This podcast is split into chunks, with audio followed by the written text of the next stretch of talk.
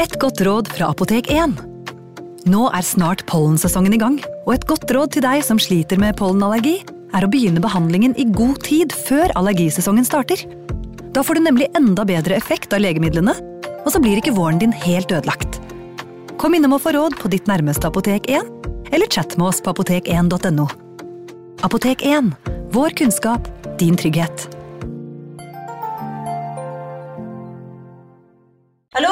Jeg kommer fra Oslo politikammer.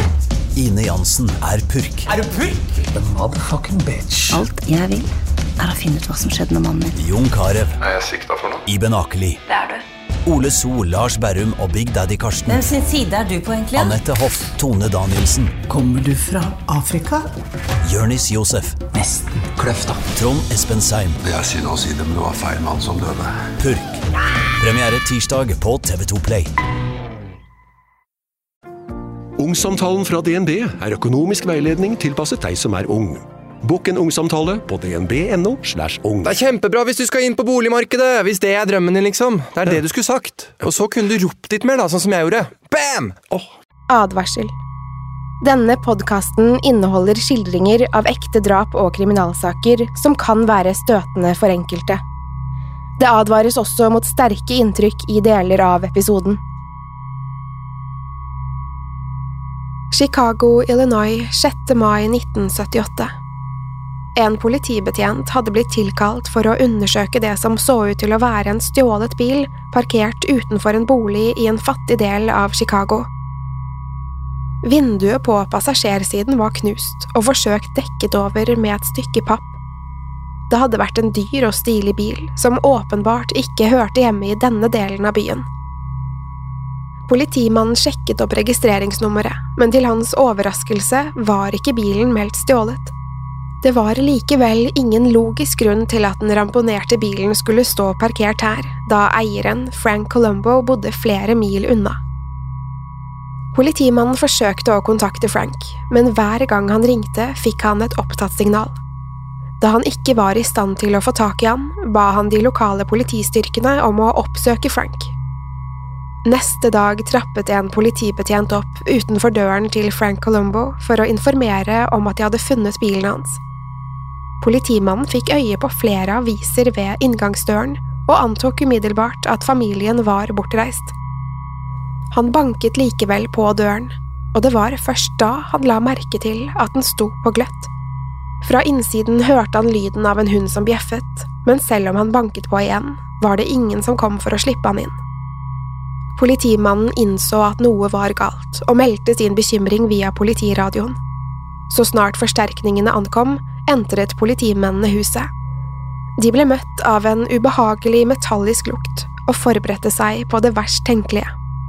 Idet de entret stuen, forsto de at dette var et åsted for en grusom forbrytelse. Politimennene fant Frank livløs på stuegulvet, med fire skuddsår i ansiktet. Han så også ut til å ha blitt påført flere slag og stikkskader. Snart oppdaget de også Franks kone Mary, som hadde møtt en lignende skjebne. Det var åpenbart at dette ikke var et vanlig innbrudd som hadde slått feil. Mary var, i likhet med Frank, drept på uvanlig brutalt vis. I tillegg til å ha blitt skutt i ansiktet, var strupen hennes skåret over. Sønnen deres ble funnet drept på soverommet. Det eneste familiemedlemmet som hadde sluppet unna, var 19 år gamle Patricia Colombo. Så snart politiet vendte blikket mot henne, forsto de at det var noe fryktelig galt med denne familien. Dette var begynnelsen på en tragisk og forstyrrende etterforskning. Velkommen til True Crime Podden.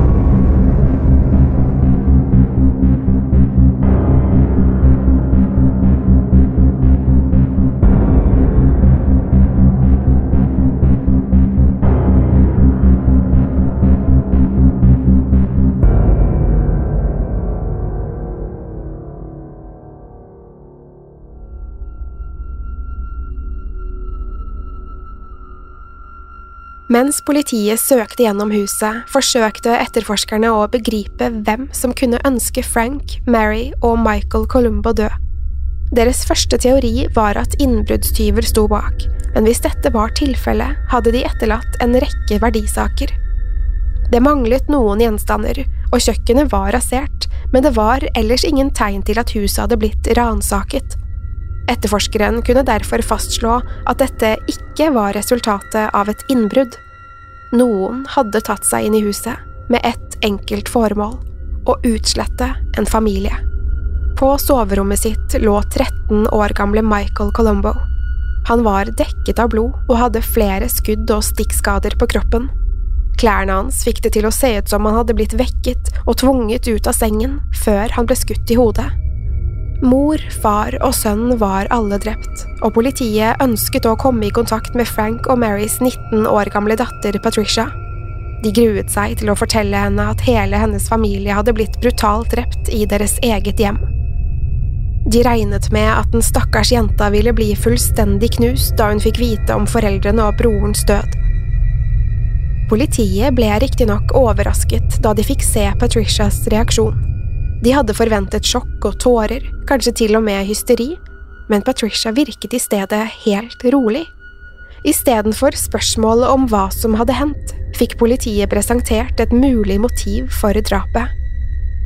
Patricia kom nemlig med opplysninger om at Frank var tilknyttet Chicagos kriminelle underverden. Politiet undersøkte disse anklagene, men fant ingen bevis på at han hadde noen bånd til mafiaen. Det var ingenting som tydet på at Frank Colombo noensinne hadde gjort noe kriminelt, annet enn å true Patricias kjæreste. Det var mye som skurret med Patricias fremtoning. Det var ikke bare mangelen på tårer eller informasjonen hun brakte med seg som overrasket politimennene. Patricia skal også ha flørtet åpenlyst med etterforskerne. Dette var mildt sagt uvanlig oppførsel for en jente som akkurat hadde mistet hele familien sin. Flere reagerte også på antrekket hennes, og hun ble beskrevet som uvanlig lettkledd. Politimennene kunne ikke begripe hvordan hun kunne reagere på denne måten, kanskje det rett og slett var hennes måte å håndtere sjokket. Snart skulle etterforskerne likevel få grunn til å revurdere Patricias rolle i drapene. Obduksjonene avslørte at Frank hadde blitt angrepet med ulike gjenstander, blant annet en lampe og andre objekter funnet i huset deres. Han hadde blitt skutt fire ganger i ansiktet, og i tillegg påført flere kutt og stikkskader. Det var skuddene som var den offisielle dødsårsaken, men morderen så virkelig ut til å ønske å forsikre seg om at han var død. Enten må det ha vært en uerfaren drapsmann, Ellers må angrepet ha blitt utført av en person som ønsket å påføre Frank mest mulig skade. Mary hadde dødd av ett enkelt skudd mot hodet. Hun var truffet midt mellom øynene og døde antageligvis momentant. Likevel var strupen hennes skåret over etter hennes død. Det var åpenbart at morderen ikke tok noen sjanser og ville ikke tillate ofrene å våkne opp. Kanskje var denne frykten forsterket av at gjerningspersonen kjente ofrene, og derfor fryktet at de kunne bli identifisert dersom ofrene skulle overleve. 13 år gamle Michael hadde også blitt skutt i hodet, og deretter slått med en tung gjenstand før han ble stukket med et skarpt objekt i brystet og nakken. Rettsmedisineren talte hele 90 ulike skader på kroppen hans. Patricia havnet umiddelbart i politiets søkelys. Hennes merkelige oppførsel hadde allerede fått dem til å undre, men det var flere grunner til å mistenke at hun var involvert. Rettsmedisineren fant et hår på Michael som så ut til å matche med Patricia. Dette var riktignok før DNA ble brukt i politiarbeid, men mikroskopundersøkelser antydet med svært stor sannsynlighet at dette var hennes hår. Rettsmedisineren mente også at flere av stikkskadene på Michael var grunne, og at det derfor var tenkelig at de var påført av en kvinne. Patricia var sped og liten av vekst, og skadene samsvarte med hva en med hennes fysiske forutsetninger var i stand til å gjøre. Politiet fortsatte å holde øye med Patricia, som til gjengjeld fortsatte å oppføre seg svært merkelig for en som akkurat hadde mistet familien sin. Selv i begravelsen lo hun høylytt og flørtet åpenlyst med politibetjenten som deltok i seremonien. Inne i kirken så hun ut til å innta en rolle da hun kastet seg over kistene mens hun hylte mot himmelen. Mange opplevde at dette fremsto kunstig og tilgjort, og at Patricia kun reagerte på denne måten fordi hun følte at det ville bli stilt spørsmål dersom hun ikke viste sin sorg. Etter å ha fulgt nøye med på Patricia i flere dager, var hun nå i ferd med å bli politiets hovedmistenkte i saken. Det var riktignok fremdeles ingen som kunne begripe hvorfor hun skulle ønske å drepe familien sin. Fra utsiden hadde familien Colombo lenge fremstått som en klassisk kjernefamilie. Frank og Mary hadde forgudet Patricia og gitt henne en trygg og god oppvekst. Relasjonen hennes til Michael så også ut til å være brukbar, selv om mange hevdet at hun kunne bli sjalu på lillebroren. Patricia hadde vært midtpunktet i foreldrenes liv i sine seks første leveår, og likte angivelig ikke å dele oppmerksomheten med Michael. Patricia hadde alltid vært en pen jente, men var i ferd med å bli en svært vakker, ung kvinne. Både gutter og etter hvert menn lot seg sjarmere og forføre av hennes viltre sjarm. Det var noe farlig og uforutsigbart med henne som appellerte til det motsatte kjønn. Patricia hadde ingen åpenbare ambisjoner i livet, og bestemte seg for å droppe ut av skolen da hun kun var 16 år gammel. Hun hadde en naturlig opprørsk side, som stadig gjorde at hun havnet i trøbbel. Selv om hun ved flere anledninger ble tatt på fersk gjerning, så hun aldri ut til å lære av sine feil. De kriminelle gjerningene ble stadig mer alvorlige, og Patricia ble til slutt avslørt da hun stjal penger og kredittkort fra kollegene sine. Patricia mottok dermed en betinget dom som innebar to års prøvetid. Frank gjorde det han kunne for å hjelpe datteren, og tilbød økonomisk kompetanse til menneskene hun hadde stjålet fra. Likevel fortsatte Patricia å gjøre ting vanskeligere for seg selv og familien. Patricia hadde først truffet Frank DeLuca gjennom jobben på et apotek. Han var sjefen hennes, 36 år, gift og hadde fem barn, men DeLuca hadde likevel rykte på seg for å være en rundbrenner. Patricia var kanskje bare 16 år, men det stanset ikke DeLuca fra å innlede et forhold til henne. Hun var heller ikke den første ansatte han innledet et forhold til, men antageligvis hadde Patricia vært den yngste. Han satte pris på hennes åpenhet og eventyrlyst, og Patricia var blant annet villig til å ha sex med andre kvinner mens han så på eller fotograferte. Det som bare begynte som tilfeldig sex, ble etter hvert til noe mer seriøst. Patricia ble invitert til å flytte inn hos DeLuca sammen med hans kone og fem barn. Dette satte likevel ikke noen bremser for forholdet deres, og de fortsatte å ha sex ved enhver anledning. Frank og Mary Colombo var på sin side langt fra fornøyd da de fant ut hva som foregikk. De håpet at dette bare var en fase i datterens liv, og at hun snart ville innse hvor tåpelig dette forholdet var. Etter et års tid var DeLuca i ferd med å gå fra kona, og Patricia bestemte seg for å utnytte situasjonen. Hun fortalte faren sin at forholdet til DeLuca var over, og at hun nå planla å flytte for seg selv. Frank var bare glad for at datteren endelig var ferdig med DeLuca, og håpet at hun heller ville finne seg en gutt på sin egen alder. Han tilbød seg derfor å hjelpe henne å finne en egen leilighet, og til og med betale deler av leien. Patricia og DeLuca fortsatte likevel å treffe hverandre, og snart flyttet de sammen i leiligheten som Frank hadde skaffet til dem. Frank ble rasende og bestemte seg for å konfrontere paret. Han ba De Luca om å holde seg unna datteren, og la ikke skjul på at han mente alvor.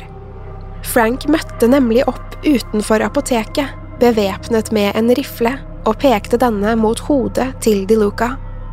Han skal ha fulgt opp med å slå kolben i ansiktet hans så De Luca falt i bakken. Frank fortsatte å angripe han mens han kom med flere trusler. Frank ønsket ikke at det skulle være noen tvil om hva han syntes om DeLuca og forholdet til datteren. DeLuca var både ydmyket og rasende etter dette overfallet, og hadde ingen planer om å la Frank slippe unna med dette. Patricia satt heller ikke pris på farens oppførsel, og anmeldte han for det voldelige angrepet. Frank ble arrestert, men ble snart sluppet fri. Han var likevel forbannet og ønsket ikke å ha noe mer med Patricia å gjøre etter dette. Over de neste månedene snakket han knapt med datteren, som nå planla å gifte seg med Di Luca. Frank og Mary begynte etter hvert å innfinne seg med forholdet, og var lei av å krangle med Patricia. De forsto at hun uansett ville fortsatt å gjøre akkurat som hun selv ønsket, og kom aldri til å lytte til dem. Selv om Frank og Mary ønsket å legge saken død, delte verken Patricia eller DeLuca denne innstillingen.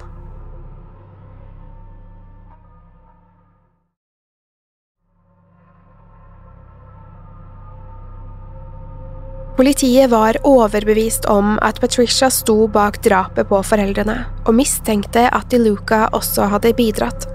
Relasjonen til foreldrene så kanskje ut til å være på bedringens vei, men det var ingen tvil om at det hadde vært store konflikter mellom dem. Etterforskerne begynte med dette å se konturene av et motiv. Kunne Frank og Mary ha blitt drept som en slags hevnaksjon? Blant fingeravtrykkene som ble funnet på Franks bil, manglet det ene avtrykket deler av pekefingeren på den ene hånden.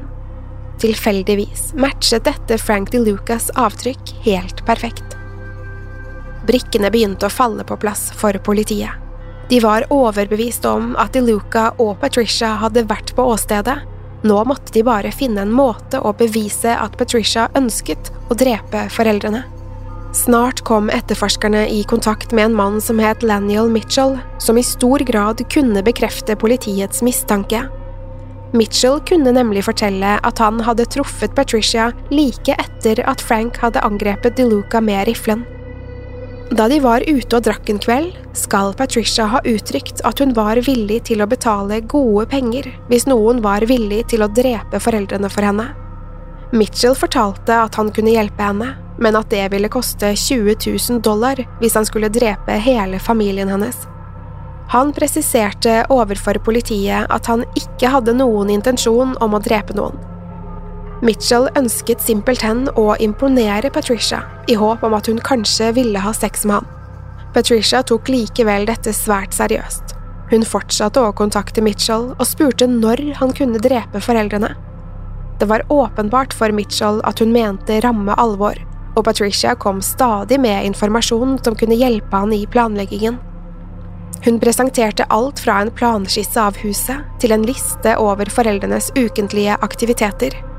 Patricia informerte også om potensielle verdisaker han kunne stjele dersom han skulle ønske det. Det gikk flere måneder, og Patricia ble mer og mer desperat. Hun ville at Mitchell skulle drepe foreldrene så snart som mulig. Mitchell hevdet at han ikke selv planla å utføre drapene, men at han videreformidlet oppdraget til en tredjepart. Patricia kunne riktignok ikke betale på forskudd, men lovet han at han skulle få pengene så snart livsforsikringspremien ble utbetalt. I mellomtiden hadde hun sex med både Mitchell og hans samarbeidspartner som en midlertidig betaling. Mitchell og Patricia fortsatte å planlegge drapene og dro sammen på flere befaringer til Frank og Marys hus. Patricia fortsatte å insistere på at hun ville at de skulle dø så snart som mulig, mens Mitchell fortsatte å komme med unnskyldninger for å utsette det hele. Patricia hadde opprinnelig kun tenkt at Frank og Mary skulle dø, men bestemte seg snart for at lillebroren Michael også måtte bøte med livet. Hun var nemlig redd for at han skulle bli mistenksom og hun følte det ville være mer ryddig å utslette hele familien. Mitchell fortsatte å komme med unnskyldninger, og ba igjen om å bli betalt på forskudd. Han begynte etter hvert å innse at han ikke kunne lure Patricia for alltid. Mitchell hadde kun vært ute etter sex, men det var åpenbart at hun trodde at han var en erfaren morder. Politiet visste ikke om de kunne stole på alt Mitchell fortalte, men de kunne bekrefte nok detaljer fra historien hans til å sikte Patricia Colombo og Frank DeLuca for drapene. De ble begge arrestert den 15. mai 1976, knappe ti dager etter at drapene fant sted. Patricia innrømmet overfor politiet at hun hadde kontaktet to menn i håp om at de ville drepe foreldrene. Hun mente riktignok at hun ikke visste hvem som sto bak drapene. Da etterforskerne spurte om hun kjente Mitchell, fortalte Patricia at hun ikke trodde at han hadde drept foreldrene hennes. Mitchells samarbeidspartner Roman Sobczynski ble også brakt inn til avhør. Etter først å ha nektet å snakke, sa han seg villig til å fortelle om sin rolle i bytte mot immunitet i saken. Roman kunne bekrefte store deler av Mitchells historie, og bekreftet at Frank DeLuca hadde bestilt et drap på Mary, Frank og Michael Colombo. DeLuca skal ha gitt uttrykk for at Frank Colombo planla å drepe han, og at de var nødt til å handle raskt for å komme han i forkjøpet. Patricia fraskrev seg fremdeles mesteparten av skylden, og hevdet at hun hadde blitt tvunget både til å ha sex med Mitchell og Roman og gi dem sensitiv informasjon om foreldrene. Patricia fortsatte å antyde at hun hadde blitt truet til å gjøre alt sammen, og at hun fryktet for livet sitt. Videre antydet hun at hun ikke hadde kontaktet politiet da hun antok at de ville komme til bunns i saken uansett. I mellomtiden hadde De Luca sluppet ut av varetekt, men han ble igjen arrestert da Roman kunne bekrefte hans rolle i saken. I fengselet skal De Luca ha gått lenger i å avsløre sin skyld. Han skal blant annet ha skrytt av at det var han selv som sto bak planleggingen av drapene, og da de ikke var i stand til å finne en pålitelig drapsmann, hadde han selv drept hele familien Colombo. De hadde avtalt å treffe Patricias foreldre den 4. mai, og ga uttrykk for at dette skulle være en slags fredsmekling. Frank og Mary hadde sannsynligvis håpet at dette kunne være begynnelsen på et nytt og bedre forhold til datteren, og gledet seg til å legge konfliktene bak seg. De hadde avtalt å treffes klokken åtte på kvelden, men De Luca hadde ikke tenkt å være der før klokken ti. Angivelig var dette for å gi seg selv et alibi om at han fremdeles var på jobb da drapene fant sted. Da Di Luca ringte på døren, ble han møtt av Frank, som inviterte han inn. Så snart Frank snudde ryggen til, trakk Di Luca en revolver fra beltet, pekte den mot bakhodet til Frank og fyrte av. Han beveget seg lynraskt gjennom huset og mot Mary, hevet revolveren og skjøt henne rett i ansiktet. Etter de plutselige smellene senket stillheten seg igjen, og både Frank og Mary lå blodige og livløse på gulvet.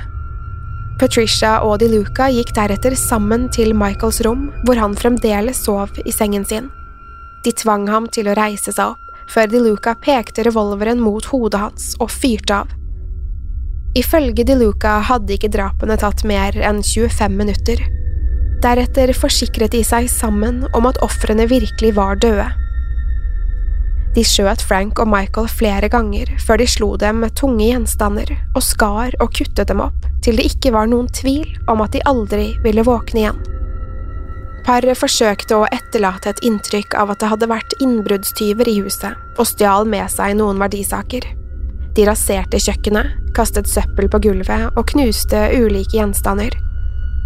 Likevel var ikke dette halvhjertede forsøket nok til å overbevise etterforskerne. De tok med seg en håndfull verdisaker i Franks bil og etterlot den i en del av byen hvor de regnet med at noen snart ville forsøke å bryte seg inn i den. Målet med dette var at bilen og eiendelene skulle knyttes til Frank og forsterke ideen om at noen fra denne delen av byen hadde brutt seg inn i huset og stjålet bilen. Frank DeLuca skal ha beskrevet alle sine gjerninger i detalj da han håpet å overtale en medfange til å drepe to ansatte på apoteket. Han fryktet nemlig at de ville vitne mot han og drepe det svake alibiet han hadde. Medfangen hadde riktignok ingen planer om å hjelpe DeLuca. Han tok imot pengene hans, men hevdet at han aldri hadde tenkt å ta livet av vitnene. I stedet ble denne historien brukt som ytterligere bevis mot Frank DeLuca i rettssaken. Bevisene mot Frank DeLuca og Patricia Colombo var overveldende. Politiet hadde tre vitner som kunne fortelle om deres planlegging og tilståelse av drapene, og det hadde i tillegg blitt gjort flere funn som knyttet dem til åstedet. Aktoratet var overbevist om at de hadde lykkes i å bevise at paret var skyldig, og juryen brukte kun noen få timer på å diskutere kjennelsen. Patricia og De Luca ble funnet skyldige i alle tiltalepunktene og ble dømt til å sone mellom 200 og 300 år for hvert av de tre drapene. Både Patricia og De Luca forsøkte å anke dommene, men begge ble avvist. Frank DeLuca har gitt uttrykk for at han forventer å tilbringe resten av livet bak lås og slå, og ser ut til å ha akseptert hvor grusomme handlingene hans var. Både DeLuca og Patricia hevder å ha lært av sine feil, men har ved flere anledninger blitt nektet prøveløslatelse. Det er i dag lite som tyder på at de noensinne vil slippe ut av fengsel.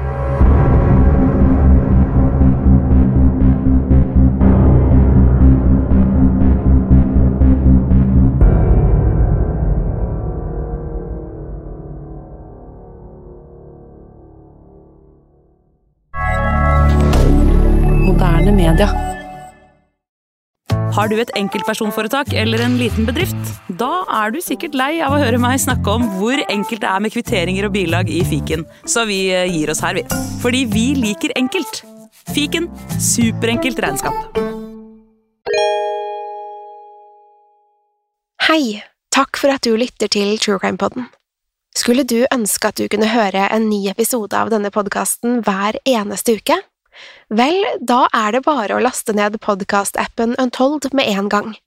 I tillegg til ukentlige episoder av podkaster som Skrekkpodden, Synderne og Henrettelsespodden, får du masse annet reklamefritt og eksklusivt innhold. Last ned Untold i AppStore eller Google Play, og start din 30 dagers prøveperiode i dag.